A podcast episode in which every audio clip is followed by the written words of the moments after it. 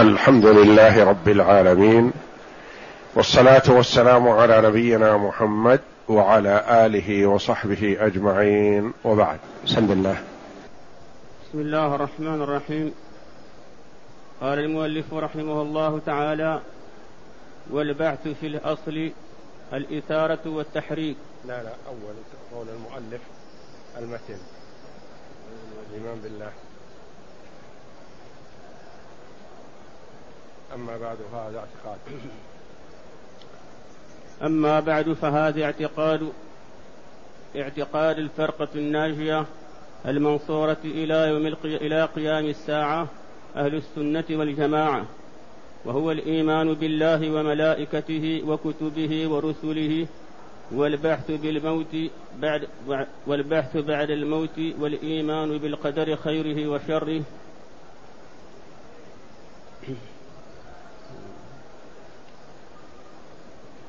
وهو الإيمان ومن الإيمان بالله الإيمان بما وصف به نفسه في كتابه. الإيمان بالله وملائكته وكتبه. المتن. المتن.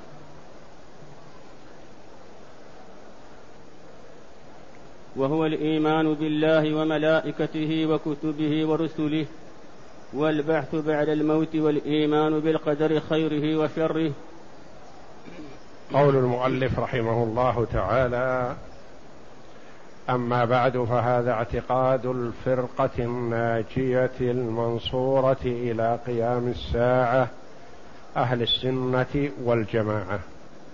وهو هذا الذي هو اعتقاد الفرقة الناجية هو الإيمان بالله وملائكته وكتبه ورسله والبعث بعد الموت والإيمان بالقدر خيره وشره.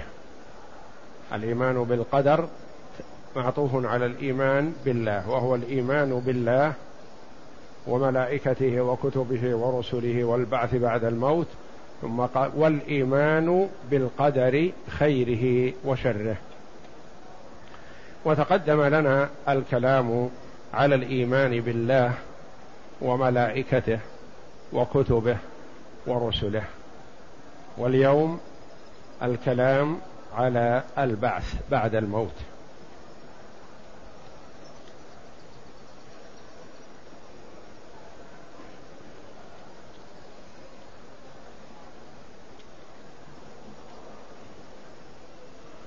فالإيمان بالبعث المراد بالبعث إخراج الموتى من قبورهم أحياء للجزاء والحساب. والإيمان بالبعث أجمع المسلمون على الإيمان به. وكذا هو يعتقده ويؤمن به. اليهود والنصارى. على اختلاف في تفصيل وإيضاح ذلك. فهو مما يعتقده أهل الشرائع السماوية.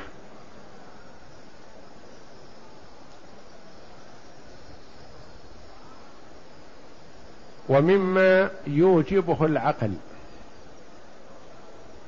لأنه لو لم يكن هناك بعث ولا حساب ولا جنة ولا نار لكان خلق الخلق عبث والله منزه عن ذلك. ثم إن الناس في الدنيا منهم المؤمن ومنهم الفاجر والكافر. وحالهم في الدنيا ليست على ما هم عليه من الإيمان أو الكفر. تجد المؤمن معطى في الدنيا ما شاء والكافر محروم. لقيل إن المجازات على العمل الصالح أجلت في الدنيا.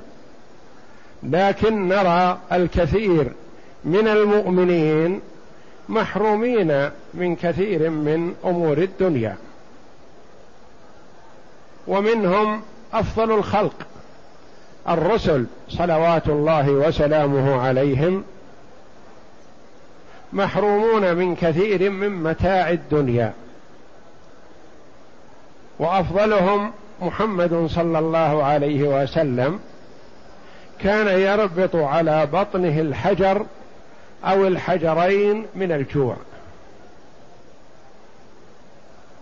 فإذا كانت هذه حاله في الدنيا أحيانا وهو أفضل الخلق وأحب الخلق إلى الله ولم يكن غير هذه الدنيا لكان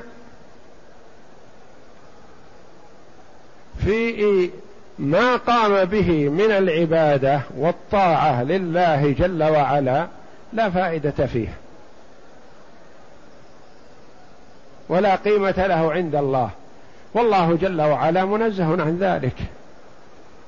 عقلا لو لم ترد الكتب السماوية والأحاديث النبوية بالبعث لكان العقل يدل عليه.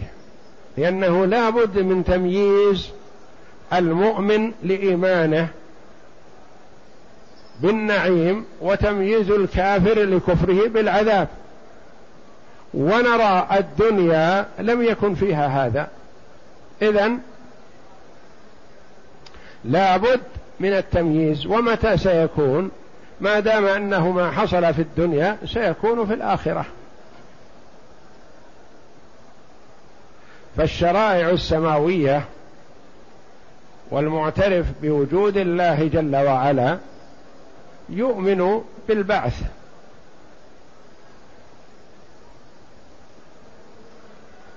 وكفار قريش هم منكرون للبعث كما قال الله جل وعلا عنهم زعم الذين كفروا أن لن يبعثوا قل بلى وربي لتبعثن.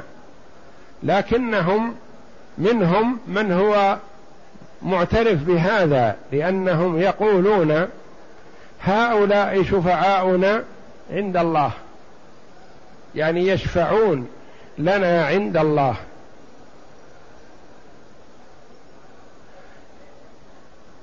فالإيمان بالبعث دل عليه الكتاب والسنة والعقل والفطرة. فطرة الله. التي فطر الخلق عليها من فطر على الفطرة السليمة يعترف بوجود البعث للحساب والجزاء والثواب والعقاب.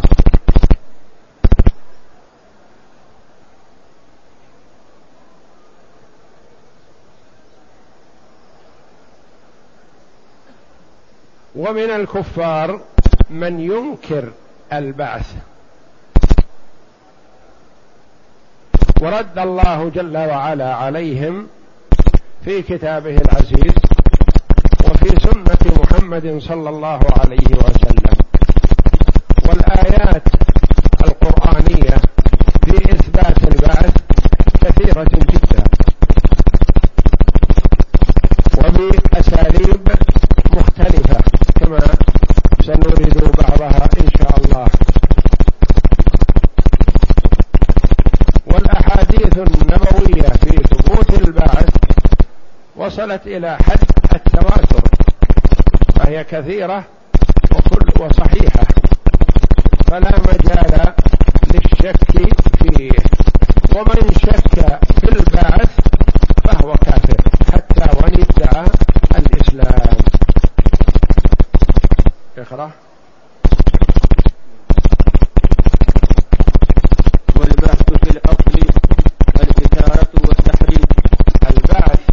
في الأصل يقال ابعثه بمعنى حركه أو أثره يعني يقال بعث كذا لغة بمعنى حرك أو أثير من كونه مختفي إلى أن أظهر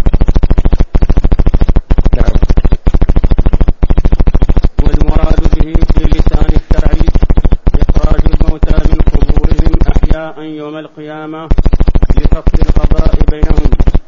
وفي لسان الشرع في لسان الشرع يعني في التعريف الشرعي إذا قيل البعث ما يقصد بهذا إثارة أو تحريك أو إخراج شيء في باطن الأرض مثلا إبرازه في الدنيا لا إذا قيل البعث فالمراد به إخراج الموتى من قبورهم أحياء إعادة الحياة إليهم مرة ثانية ومتى يكون هذا لا في الدنيا وإنما يوم القيامة وما الغرض من البعث لفصل القضاء بينهم يقضي الله وعلا بينهم فيثيب المطيع ويعاقب العاصي إن شاء. نعم. فمن يعمل مثقال ذرة خيرا يره ومن يعمل مثقال ذرة شرا يره. أي أنه لا يضيع عند الله جل وعلا شيء. الذرة التي هي أصغر شيء وقد لا ترى بالعين المجردة بل لابد من المجهر أو ترى بالعين لكن ما يستطاع مسكها لصغرها فالذرة قد يراد بها أصغر النمل وقد يراد بها ما يرى في طريق الشمس الداخلة من كوة من فرجة. ترى الشيء لكن ما يمسك. لصغره فالله جل وعلا يقول فمن يعمل مثقال ذرة وزن الذرة من الخير يجده عند الله جل وعلا فلا يضيع عليه. ومن يعمل مثقال ذرة من الشر كذلك يراه. يجده ولا يلزم من وجوده العقوبة عليه لكنه محصن عليه فإحصاء العمل عليه الخير والشر لماذا؟ للمجازاة على الخير لأن الله جل وعلا لا يضيع عليه عنده أجر عامل وأما الشر فقد يعفو الله جل وعلا عنه مع كونه محفوظ يقرر به صاحبه يوم القيامة. نعم. ويجب الإيمان ويجب الإيمان بالبحث على الصفة التي بينها الله في كتابه. ويجب الإيمان بالبعث على الصفة التي بينها الله في كتابه. الإيمان بالبعث حسب ما ورد في كتاب الله وسنة رسوله صلى الله عليه وسلم. وذلك أن البعث للأرواح والأجساد. والنعيم في الدار الآخرة للأرواح والأجساد. فالأجساد التي عملت الطاعة في الدنيا ينعمها الله جل وعلا في الدار الآخرة. والأجساد التي عملت الفجور والكفر والضلال في الدنيا يعذبها الله جل وعلا في الدار الآخرة بأرواحها. فتنبت الأجساد التي عملت الخير أو عملت الشر. لا تتغير ولا تختلف لأن الله جل وعلا كما أنشأها أول مرة يجمعها في المرة الثانية. أنشأها أول مرة من عدم والمنشئ لها من عدم قادر على إعادتها من باب أولى مهما تفرقت وتفتتت لأن الله جل وعلا لا يعجزه شيء وكل شيء في قبضته وإحاطته. الرجل الذي ذكره النبي صلى الله عليه وسلم في الحديث أنه قال لاهله إذا مت فأحرقوني واجمعوا رمادي وذروه في وجه الريح. فوالله إن قدر الله على جمعي ليعذبني عذابا لا يعذبه أحد معترف بتقصيره وتفريطه. فقال الله جل وعلا للأرض برا كان أو بحرا أو جوا كل يجمع ما عنده. فاجتمع فتمثل بين يدي الله جل وعلا فسأله. قال ما حملك على ذلك؟ الله قادر على كل شيء. قال مخافتك يا ربي. فغفر الله جل وعلا له لما استشعر الخوف من الله جل وعلا. والله جل وعلا قادر على جمع فتاة الجز... الأجسام مهما تفرقت ومهما بليت فالله يبعثها ويحييها ويعيد الحياة إليها لأنه سبحانه على كل شيء قدير.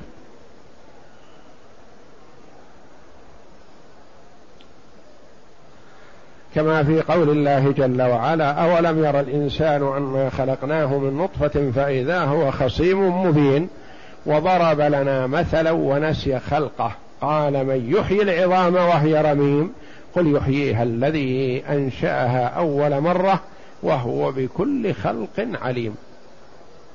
وسبب نزول هذه الآية فيما ورد أن العاص أتى بعظم رميم ففته بأصبعيه أمام النبي صلى الله عليه وسلم وقال يا محمد تزعم أن الله يحيي هذا بعدما صار هكذا؟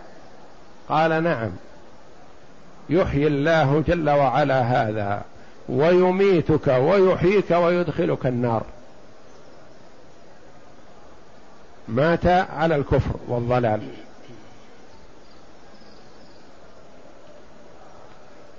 والإيمان يجب أن يكون على ما وصف الله جل وعلا في كتابه. لأن من الناس من قال البعث للأرواح فقط والأجسام تتلف والنعيم في الجنة للأرواح والنعيم والعذاب في البرزخ في القبر للأرواح دون الأجساد.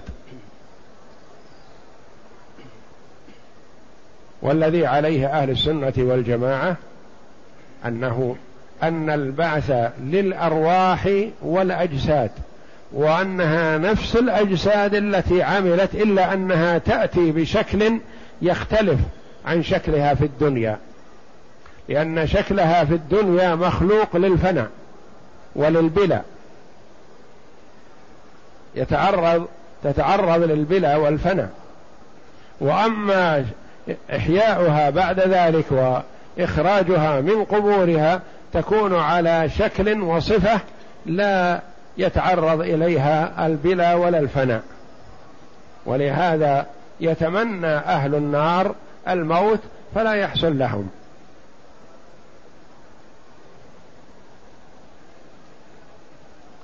نعم. وهو أنه جمع ما تحلل من أجزاء الأجساد التي كانت في الدنيا وإنشاؤها خلقا جديدا وإعادة الحياة إليها. وهو أنه جمع ما تحلل من أجزاء الأجساد. قد يكون القبر يقبر به عشرة أو مئة أو الآلاف في هذه البقعة. من آدم إلى آخر الزمان يكون اجتمع فيها كثير واختلطت بعضها ببعض. فالله جل وعلا يميز جسم كل واحد عن الآخر. ولا تتداخل. سئل شيخ الإسلام ابن تيمية رحمه الله قال إن الشخص قد يأكل شخص آخر. فيكون المأكول متفتت جسمه مع الآكل ثم تفتتا معا.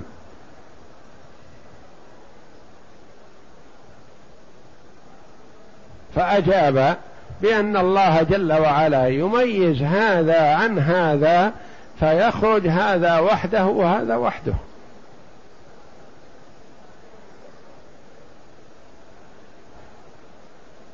وهو جمع ما تحلل يعني تفتت وذهب وفني من أجزاء الأجساد التي كانت في الدنيا. نفس الأجساد التي كانت في الدنيا لكنها تكون بشكل آخر.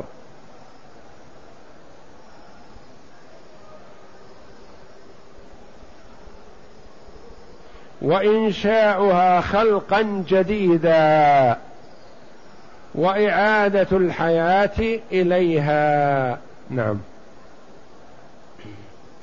ومن ومنكر البحث الجسماني كالفلاسفة والنصارى كفار. لا شك أن من أنكر البعث فإنه كافر. والنصارى يمكن بعضهم وإلا فهم معترفون بالبعث. يعني عامتهم معترفون بالبعث.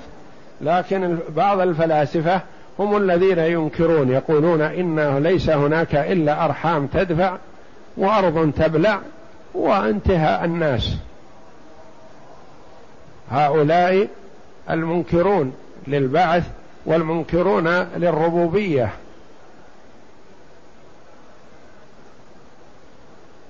نعم. وأما من أقر به ولكنه زعم أن الله يبعث الأرواح في الأجسام في الأجسام غير الأجسام التي كانت في الدنيا فهو مبتدع وفاسق. من أقر بالبعث لكن قال البعث للأرواح. والأجسام يأتي أجسام أخر غير الأجسام السابقة. هذا مبتدع وفاسق و لا يكفر بهذا اللفظ وحده وإنما هو مخالف لأصول أهل السنة والجماعة.